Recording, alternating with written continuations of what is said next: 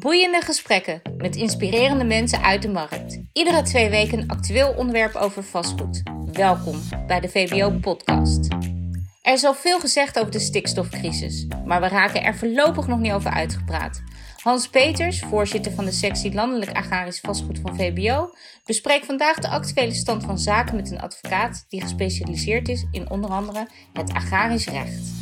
Goedemorgen, de heer Bodde, Paul Bodde, advocaat bij uh, Hekkerman Advocaten en tevens ook de jurist van onze uh, sectie Landelijk en uh, Agrarisch Vastgoed.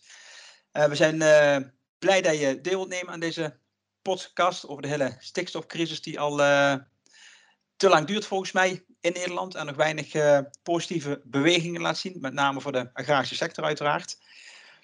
Eerst even wat algemene info wat de hele stikstofcrisis betreft. Het intern en het extern salderen. Voor de, de, de, specialisten onder ons zijn die termen natuurlijk al wel uh, duidelijk, maar wellicht dat je daar even kort tekst en uitleg over kunt geven als wat algemene info.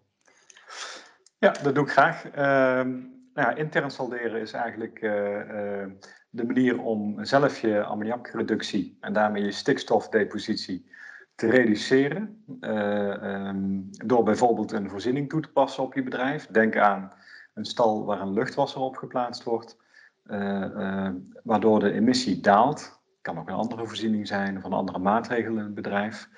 Nou, en dan is het idee dat je die, die daling weer op mag vullen um, met een uitbreiding in aantal dieren. Dus intern salderen is op die manier een mogelijkheid om zelf, zeg maar, zonder dat je er iemand anders van nodig hebt, uitbreidingsmogelijkheden op je bedrijf te creëren en te realiseren vervolgens.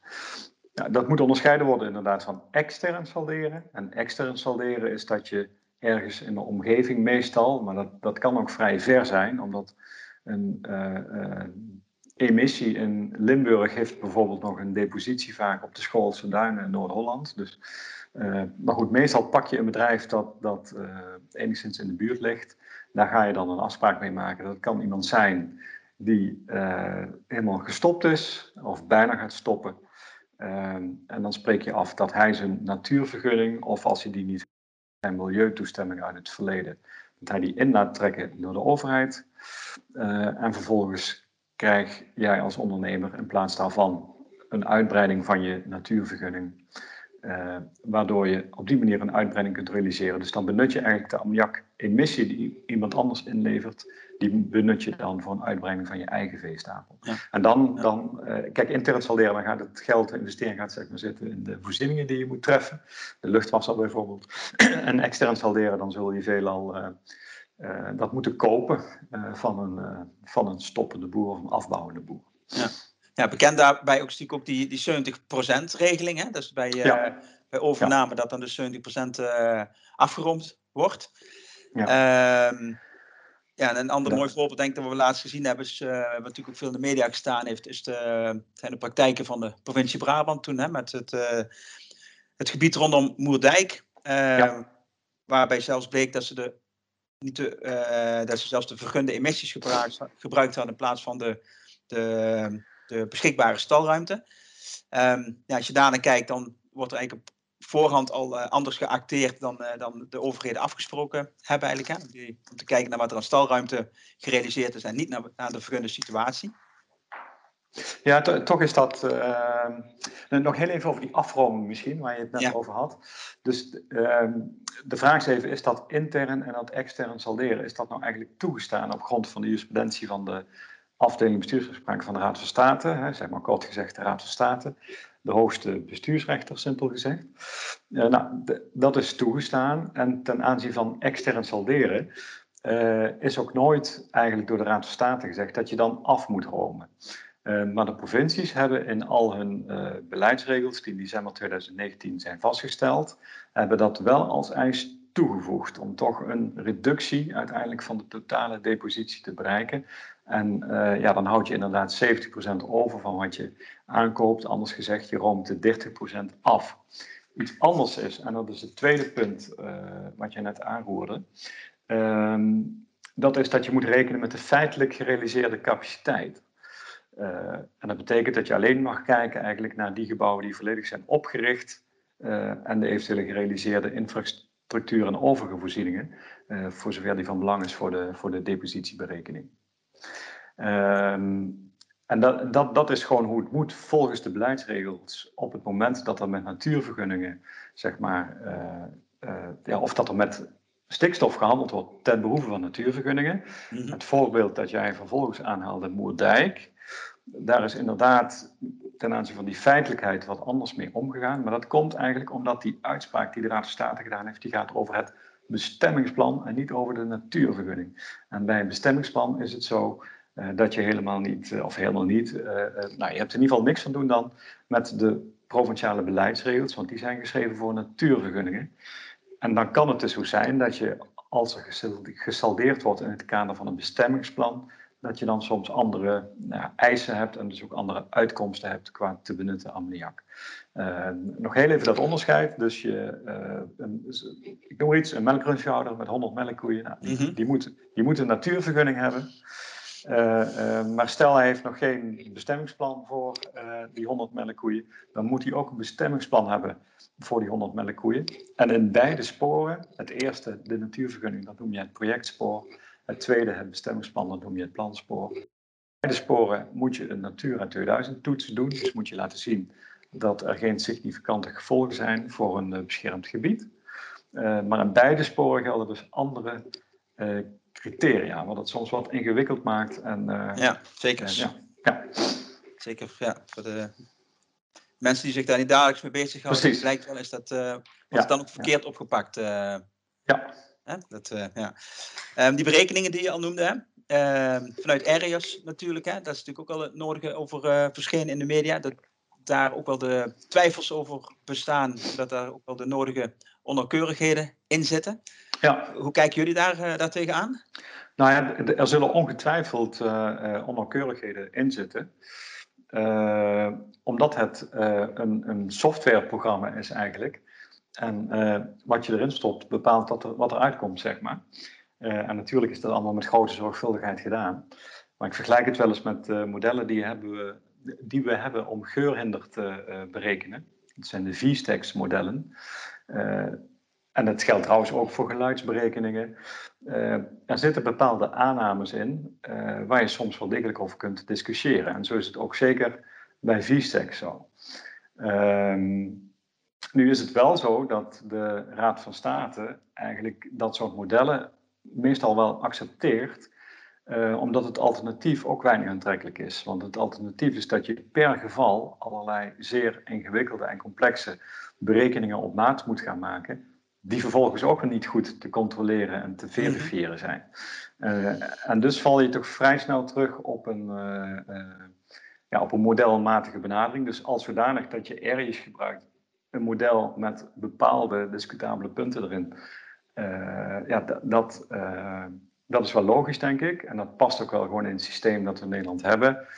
Als je dan af en toe hoort, en misschien hint je daar ook op, dat, uh, uh, dat er bijvoorbeeld recent was een bericht dat er gebieden zouden zijn toegevoegd of vergroot. Ja. Nou, dan, dan moet je de wenkbrauwen denk ik wel even fronsen als je dat kritisch volgt. en dat is ook een beetje ja, een soort black box waar je dan niet de vinger achter krijgt. Wat is er dan precies gebeurd en hoe zit het dan precies? En dat, dat geeft wel een stukje rechtsonzekerheid.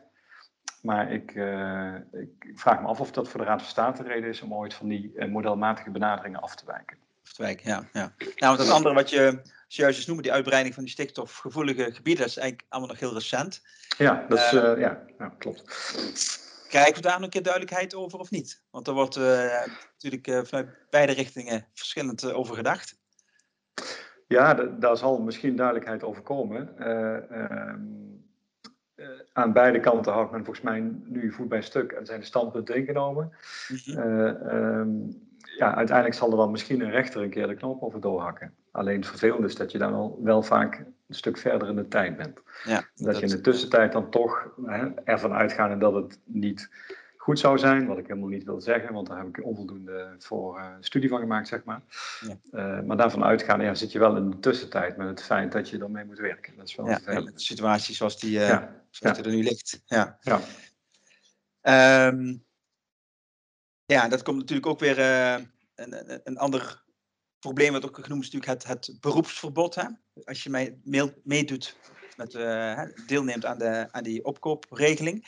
Ja. Uh, dat wordt ook van, de, van twee kanten uitbekeken. Want zelf denk ik ook als je ja, een, een, een agrarisch ondernemer bent en je wilt graag met je bedrijf verder, maar je zit in een kwetsbaar gebied en je biedt dus de mogelijkheid om daar weggekocht te worden, dat je elders verder kunt, maar het mag dan niet meer, ja, dan denk ik ook dat je uh, iets wil bereiken. Alleen een, een betreffende ondernemer dan weer uh, ja, dat hij de voet op de rem zal trappen als hij op een andere locatie niet meer verder zal mogen boeren. Dus dan ben je nog het paard achter de wagen aan het spannen.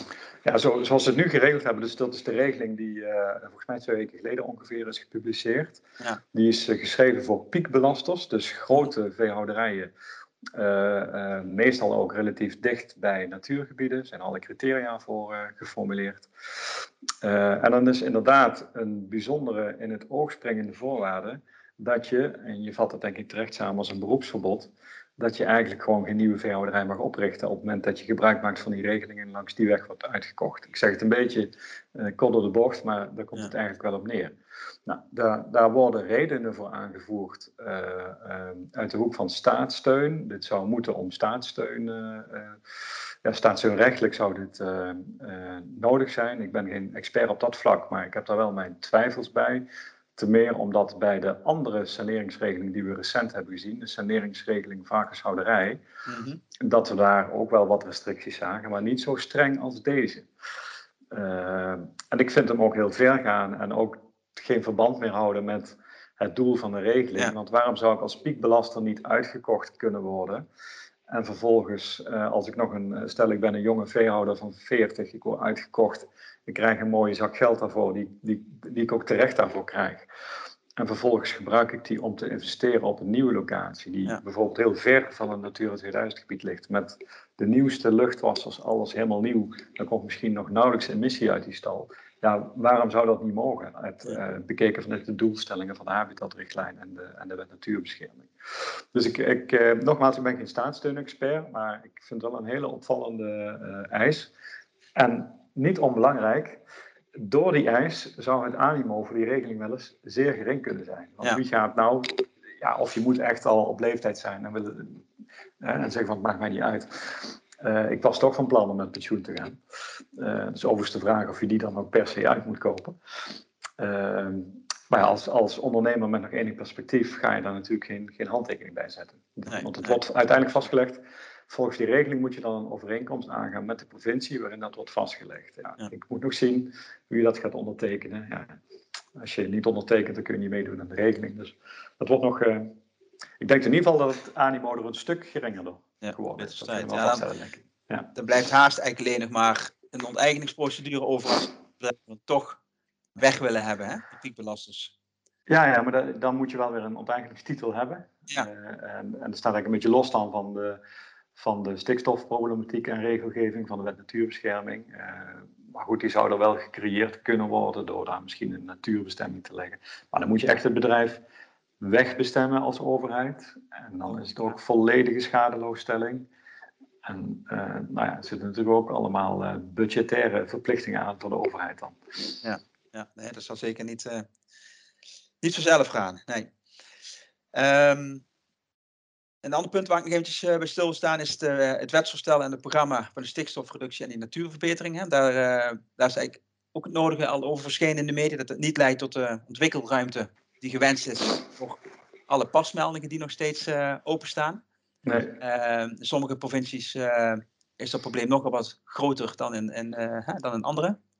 Ja. Ehm, hoe, ja, hoe kijk jij daar tegenaan? Nou, die, die, pasmeldingen is van belang. Uh, misschien heel even voor, eh, voor de luisteraar, zeg maar, wat zijn die pasmeldingen?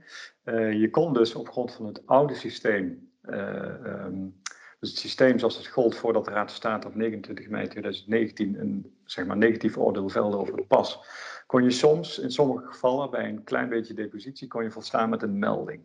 Dus dan had je bijvoorbeeld, je ging van 100 naar 150 melkkoeien, nou, dan hoef je geen vergunning aan te vragen. Maar dan kon je gewoon een melding doen van die stap ga ik zetten. En dan, dan komen we weer bij Arius. Vervolgens moest je in Arius een berekening maken of dat allemaal klopt. Uh, er zijn ontzettend veel uh, pasmeldingen gedaan. Ehm, en op 29 mei 2019 bleek dat die juridisch zeg maar geen status hadden. Dat dat, aan de status zetten er een streep door. Nou, dat is natuurlijk nog niet zo erg op het moment dat je de pasmelding nog niet gerealiseerd hebt. Dus je hebt die uitbreiding van 100 naar 120 nog niet gedaan, hebt de stal nog niet gebouwd daarvoor, et cetera. Hoewel het dan ook al erg vervelend kan zijn. Maar het wordt met name natuurlijk erg op het moment dat je al onomkeerbare stappen hebt gezet. Bijvoorbeeld, de stal staat er al, de fosfaatrechten zijn aangekocht, weet ik veel wat. Je kunt eigenlijk niet meer terug. Uh, nou, dat is door, de, uh, door Schouten een aantal keren omschreven, wat dan onomkeerbaar is. Uh, en, en, voor die specifieke categorie, zegt ze, komt een oplossing. Maar die oplossing die, moet eigenlijk niet zozeer komen via de wetgeving die, die jij net noemde, maar die moet eerder komen door die op, via die opkoopregeling waar wij het zojuist over hadden. Ehm, dus daar zal als het ware depositie vrij moeten komen, die in ieder geval voor een deel ingezet gaat worden om die pasmelders die onomkeerbare stappen hebben gezet, om die alsnog te legaliseren. Ja, natuurbeschermingsvergunning te geven. Ja, ja, ja. en dan komen we op het punt wat we, wat we hiervoor bespraken. Uh, namelijk, ja, met dat beroepsverbod, wie gaat zich daarvoor inschrijven en hoe gaat het allemaal lopen en wat wordt het animo voor die regeling? En als het animo heel laag is, dan zal er dus ook maar weinig stikstof zijn om die pasmelders te, te gaan helpen. En eigenlijk uh, moet je dus denk ik vaststellen dat er voor die pasmelders nog steeds geen, geen perspectief is. Uh, dat is ook wel een beetje... Zorgelijk. Nou, ja, zorgelijk. Ik, ik wou bijna zeggen schandalig dat je na 29 mei 2019, toen de uitspraak er was, dat je dan nog steeds niet als overheid eigenlijk geregeld hebt. Dat voor die groep waarvan je zelf zegt als overheid, ja, dat, hebben we niet goed gedaan, dat moeten we oplossen. Dat je mhm. de oplossing nog niet hebt. Niet hebt. ik snap dat het allemaal ingewikkeld is, maar nou, het is schijnend voor die groep in ieder geval. Nou ja, je ziet, uh, pak even de provincie Groningen heel nadrukkelijk dat ze daar uh, uh, niet de, die, die ruimte daarvoor willen gebruiken om die pasmelders eerst veilig te stellen. Dat is wel wat de agrarische ondernemers en de agrarische sector daar wil. Ehm, ook ja, dat men ja. heel sterk indruk heeft dat ze die, ja, die vrijkomende die, die stikstofproducties gaan gebruiken voor andere ontwikkelingsruimte, hè, dus buiten de agrarische sector. En, ja, ja ja, dat steekt natuurlijk gigantisch. Dus dat, ja, dat, dat, gebeurt natuurlijk op dit moment ook al. Dus, dus ik vind daar verder niks van. Maar je stelt wel vast, je noemde net in het begin Moerdijk, dat er in ieder geval um, ammoniak, dus NH3, dat dat NOx wordt. dus andere vormen van stikstof. Dus dat het van de landbouw naar buiten de landbouw gaat. Dus daar wordt salderen in ieder geval op dit moment ook voor gebruikt. En zo zal het ongetwijfeld ook gaan met de uitkoop van bedrijven, dat die depositie niet allemaal terugkomt, of die emissie, uh, bij de veehouderij, maar dat er ook andere politieke en beleidsmatige keuzes in gemaakt zullen gaan worden. Ten meer omdat de regie eigenlijk, uh, Schout heeft eigenlijk gezegd, het wordt een uh, gebied benadering. en de regie komt bij de provincie. Dus de provincies bepalen eigenlijk, want iedere regio is anders, bepalen eigenlijk per regio wat daar moet gebeuren. En die kunnen dus ook de regio zeggen, nou, het hoeft ook helemaal niet verkeerd te zijn. Hier moeten uh, veehouderijen een stapje terug doen en hier komen andere ontwikkelingen. Ja. Uh, maar de omgekeerde kan natuurlijk ook. Ja, ja. ja je ziet ook het, het, uh, het, het, aantal, hè, ongeveer de helft van de provincies heeft het extern salderen nu mogelijk gemaakt. Hè, de deuren daarvoor opengezet. Ja. Er zijn ook een paar, of niet, paar Gelderland bijvoorbeeld, die, hè, daar, daar, is alleen maar het verliezen van stikstof op dit moment mogelijk. Helemaal in de kinderschoenen. Maar ja we krijgen natuurlijk wel de eerste aanvragen van binnen van mensen die, die willen weten wat er mogelijk is, wat het oplevert, voor welke termijn en noem maar op. Ja. Um, dus ja, dat is in ieder geval ook, ook een, ja, een nieuwe ontwikkeling die wellicht van de ene kant ook bij kan dragen als extra inkomstenbron hè, in de, bij die agrarische ondernemer. Maar je ziet ook wel de angst ook weer bij de provincies. Dat ze willen voorkomen dat daarmee de ja. ammoniakrechten de agrarische sector zomaar uitvloeien. En dat daarmee via dat uh, toch uh, ja, binnen, binnen die sector willen, willen houden. Ja, ja, Misschien heel even over dat verliezen iets. En, en, en daarvoor misschien nog heel even kort over extern solderen. Extern solderen is inderdaad, dat, dat snijd je terecht aan net. Uh, is niet in alle provincies toegestaan. Hè? Mm. dus op grond van de jurisprudentie van de Raad van State is het toegestaan, maar de beleidsregels uh, van de provincies hebben dat vervolgens ingeperkt. En nu zie je een ontwikkeling dat nou ja, er verschillende provincies inmiddels uh, de belemmering hebben weggehaald. Ik laat even in het midden wat dat dan precies is. En daar kun je in ieder geval onder de streep, daar gaat het om, om je kunt weer extern salderen daar. Ehm, dus dat is één. Dus je moet eigenlijk per provincie waar je zit goed kijken, kan ik hier extern salderen volgens de beleidsregels, ja of nee? Uh, en het tweede is, en dat is het andere punt dat jij benoemt, uh, dat verliezen uh, in sommige provincies is mogelijk gemaakt, maar in, de meeste eigenlijk nog niet op dit moment. Eh, en wat betekent verliezen? Verliezen is wel ideaal voor de boer die bijvoorbeeld zegt van ja, ik heb eigenlijk een vergunning en ik heb ook de stal en zo draait allemaal voor zeg maar 120 melkkoeien. Maar door omstandigheden kan ik een bepaalde periode uh, maar 100 koeien houden. En dan kan uh, die boer zeggen, dan verlies ik mijn stikstof, mm -hmm. uh, wat gelijk staat aan 20 koeien.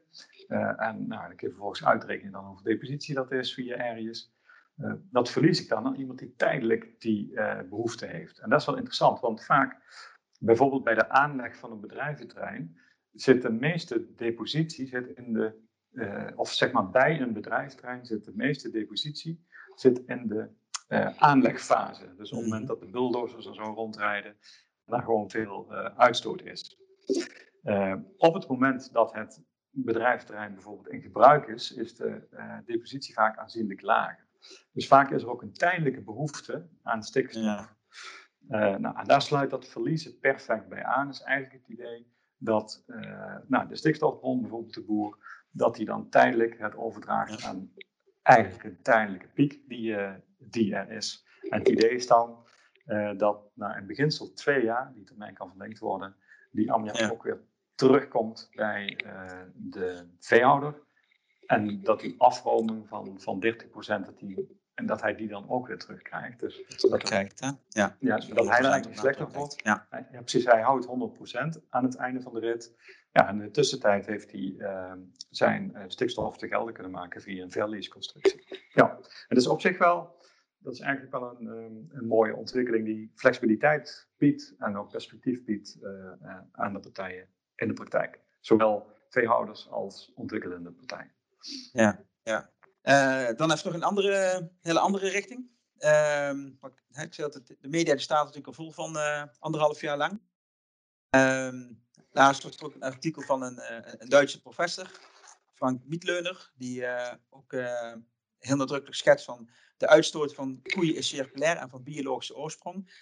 Um, hij zei dat is altijd zo geweest, ook nog toen we geen industrie hadden en dat is nu niet anders. Dus als we het aantal dieren gelijk houden, maar we gaan wel werken aan de uh, methaanuitstoot, aan de emissie, dan werkt dat eigenlijk alleen maar positief. Dus het is niet geen kwestie van dieren ruimen, maar je kunt zelfs uh, daar nog op een andere manier een uh, positievere bijdrage uithalen. Maar in Nederland ligt het natuurlijk heel gevoelig, want we willen hier minder dieren. Hè? Daar is gewoon het hele politieke beleid op, op rust. Um, hoe, kijken jullie daar, uh, daar tegenaan vanuit de juridische hoek?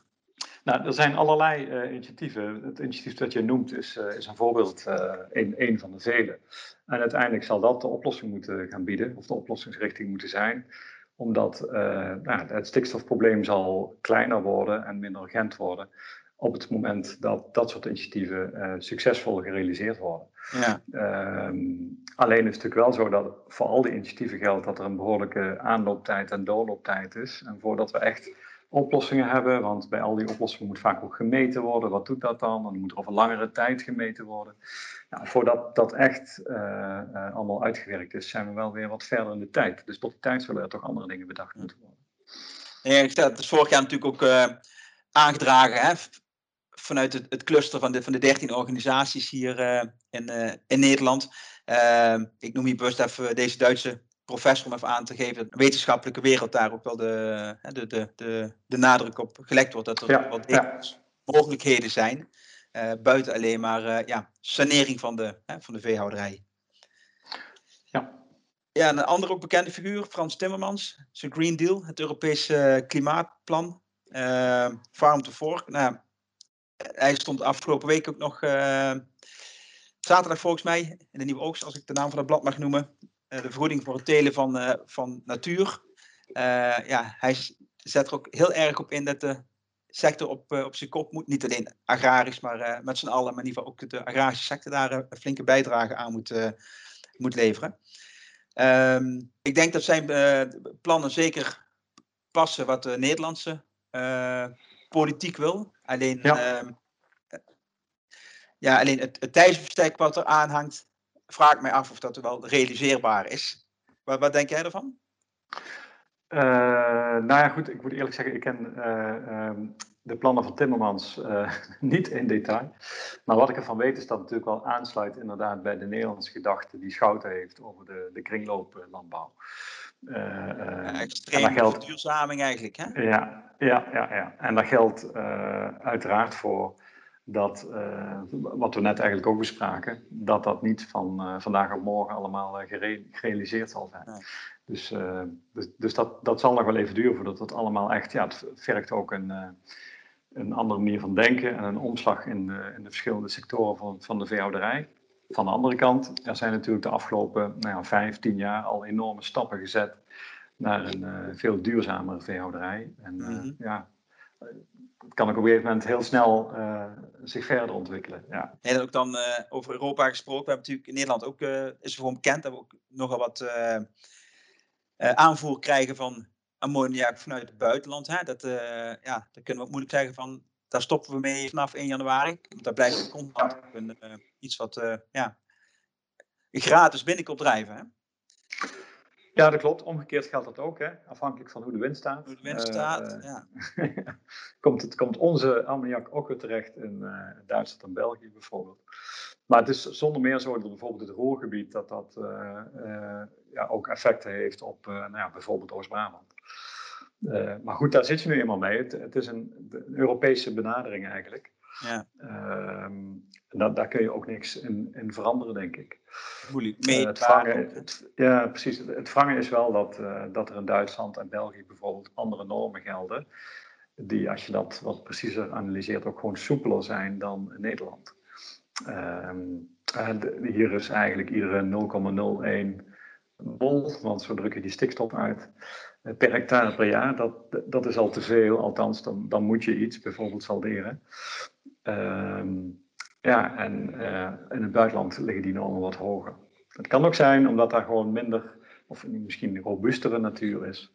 Uh, er is ooit natuurlijk ook voor gekozen in Nederland om uh, vrij minutieus alle gebieden aan te wijzen en instandhoudingsdoelstellingen te benoemen. Ik denk toen men dat deed, dat men niet uh, voorzien heeft wat dat uiteindelijk dan zou betekenen. Namelijk dat je in, in zo'n zo'n land waar alle functies zo dicht op elkaar zitten als Nederland, zo dichtbevolkt land, dat je daarmee de ontwikkeling eigenlijk uh, een beetje op slot zet. Ja, ja, en dat ligt in andere landen natuurlijk ook gewoon heel erg anders. Ja, ja zeker waar.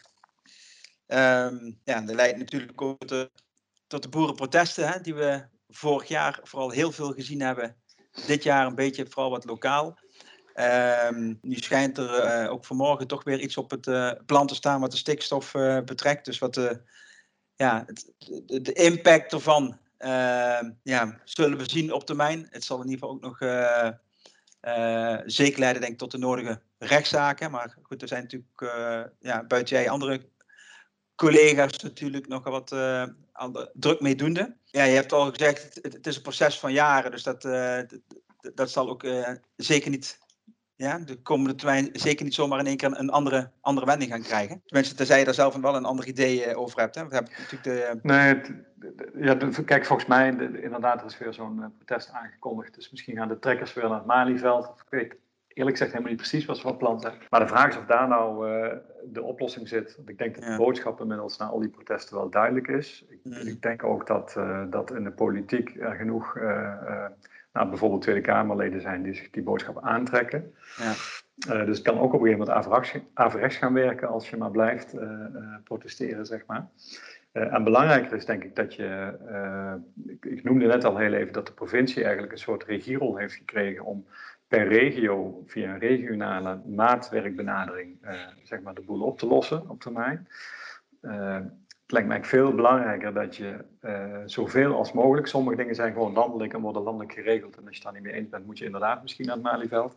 Maar heel veel andere dingen kun je uh, oplossen uh, door, met, ja, door met de provincie en, en de actoren in dat gebied het overleg aan te gaan en, en tot slimme ideeën te komen. de afgelopen tijd is bijvoorbeeld de nieuwkoopse aanpak in het nieuws geweest. Mhm. Nou, dat is zo'n heel mooi voorbeeld van wat van onderaf komt eigenlijk. De, de boeren die zelf iets bedacht hebben. Ja.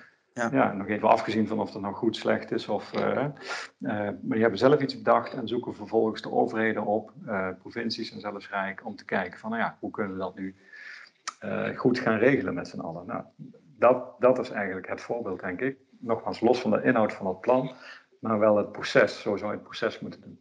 Ja. Je noemde net al de politiek. Het is in ieder geval, uh, het voorjaar van 2021 staan de verkiezingen weer voor de deur. En daarvan is ook bekend dat de politiek een uh, speerpunt is geworden, de land- en de tuinbouw. Dus uh, we zullen zien wat daar uit naar voren gaat komen, welke personen we aan tafel gaan krijgen in het, in het Haagse. Um, in ieder geval bedankt Paul voor je bijdrage wat deze stikstof, ik noem het toch maar crisis betreft. Graag gedaan. er zal het nodige nog ja, in moeten gebeuren, zoals al aangegeven. En we zullen hier elkaar vast nog vaker over gaan spreken in de toekomst. Dankjewel. Tot ziens, bedankt.